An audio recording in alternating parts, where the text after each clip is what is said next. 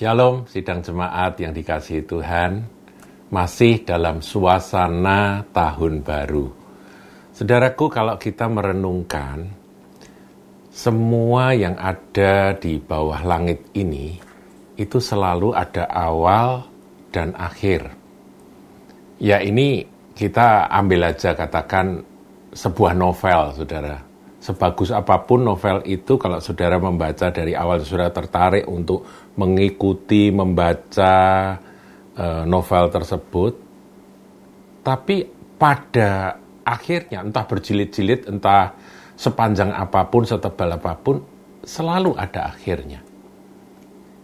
Dan ini fakta. Dan ini sebuah gambaran bahwa memang di bawah langit ini tidak ada yang kekal saudara Semuanya ada awal, semua ada akhir. Saudara nonton sinetron, berseri-seri. Kalau nggak diakhiri, saudara sinetron itu, lama-kelamaan orang akan jenuh dan orang akan jengkel dengan sutradara. Ini kok dipanjang-panjangkan ceritanya. Ya itu kan hanya hiburan, saudara. Itu pun selalu ada akhirnya tidak ada pesta yang tak berakhir. Ya ini adalah sebuah uh, peribahasa. Tak ada pesta yang tak berakhir.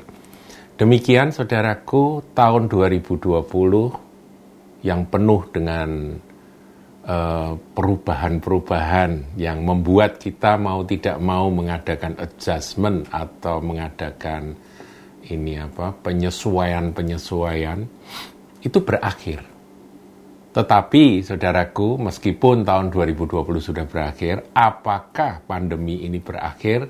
Yang punya cerita adalah Tuhan. Kita berusaha, kita berdoa.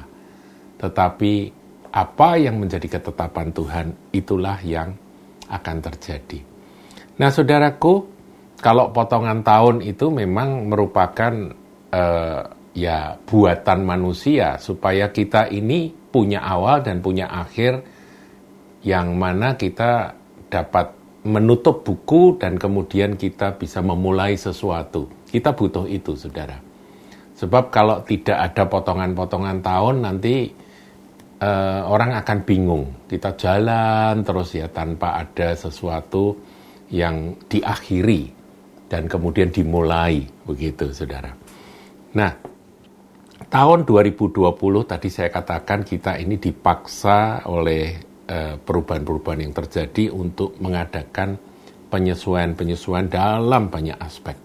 Sementara tahun 2021 terbentang panjang di depan, masih ada 360 sekian hari yang terbentang di depan dan kita tidak tahu apa yang akan terjadi. Nah di situlah saudaraku kita butuh apa yang disebut dengan visi. Nah kita akan lihat Amsal 29 ayat yang ke-18.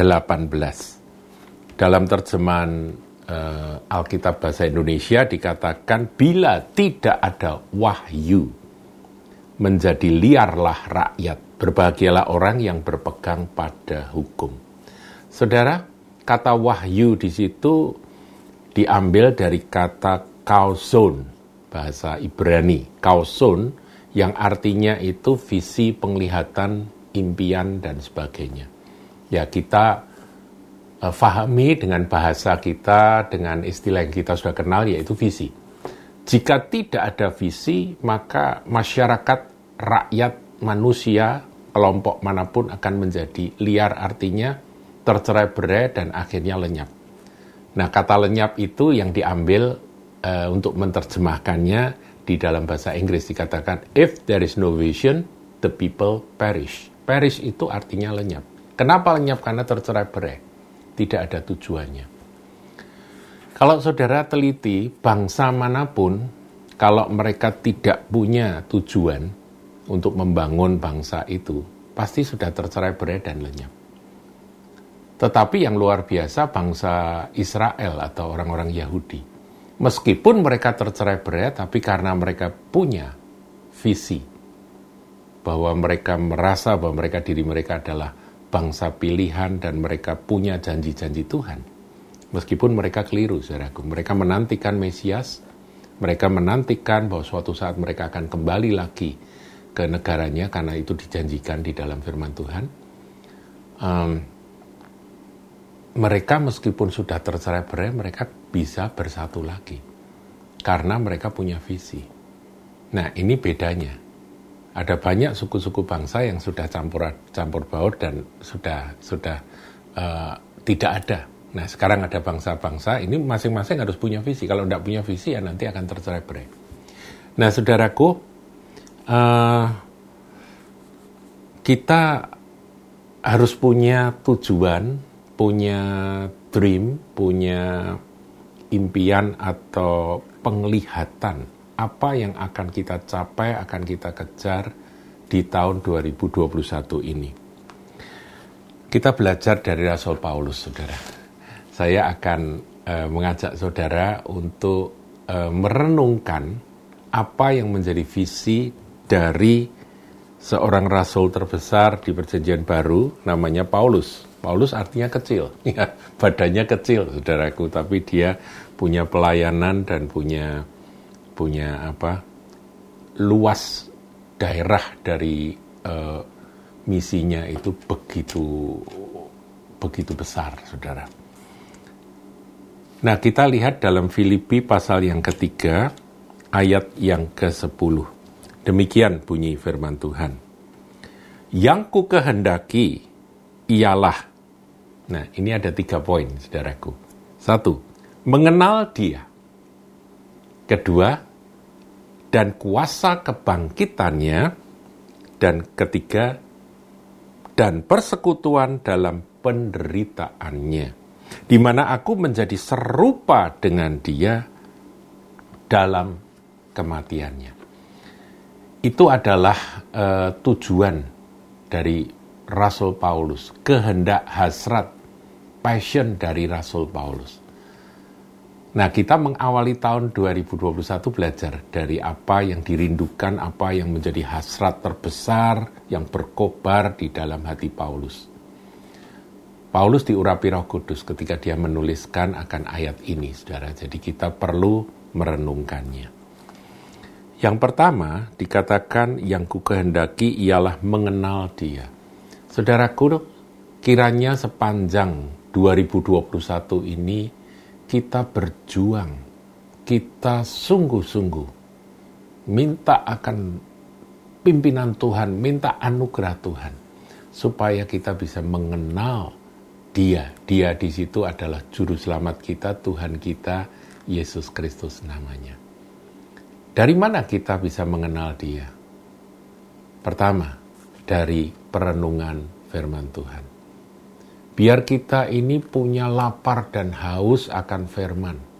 Biar kita ini punya kerinduan untuk terus belajar.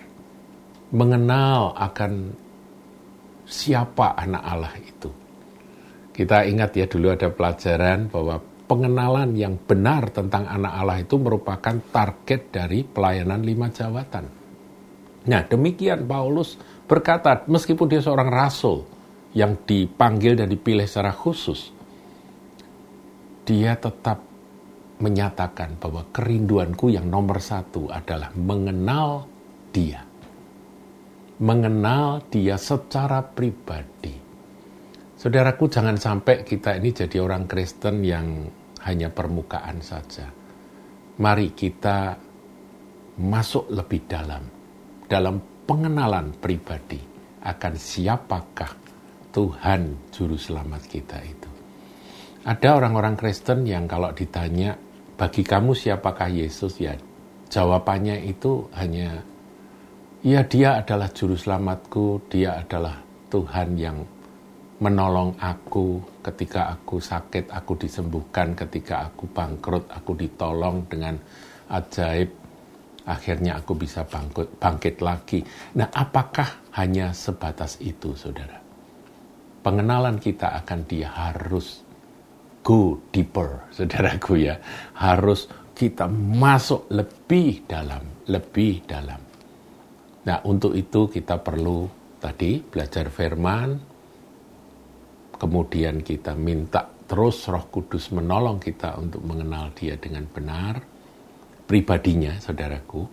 Kemudian kita e, mengasihi Dia dengan mentaati akan apa yang menjadi perintah-perintahnya. Jadi bukan hanya menjadi pendengar atau orang yang terus menambah pengetahuan secara intelektual tidak, tapi kita mau menjadi anak-anak yang berkenan kepada Dia yaitu taat pada apa yang dia perintahkan melalui firman-Nya, melalui pimpinan rohnya.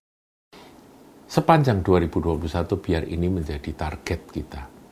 Saudaraku, kalau seorang pemain bola, sehebat apa pun dia, kalau dia uh, begitu terampil di dalam mengolah bola, menggiring bola, toh dia punya target. Targetnya bukan supaya ditonton.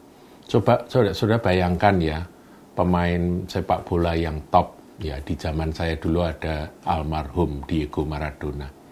Itu kalau sudah pegang bola rasanya wah bola itu lengket dengan kakinya. Dan tidak bisa atau susah sekali untuk diambil alih oleh pemain lawan. Tapi Diego Maradona punya tujuan, saudara. Tujuannya bukan untuk sekedar pamer bahwa dia itu jago menggocek bola, tidak. Tujuannya adalah menggiring bola itu masuk gol lawan. Nah, kita pun demikian, saudara. Di dalam perjalanan hidup kita tahun 2021, kita bukan hanya ingin memberi kesan pada orang-orang bahwa aku ini uh, apa ahli dalam bidang ya ilmu pengetahuan Alkitab, hafal ayat-ayat, ngerti tentang pelajaran ini, pelajaran ini. Bukan. Tapi kita benar-benar goalnya mengenal dia secara pribadi. Itu pertama.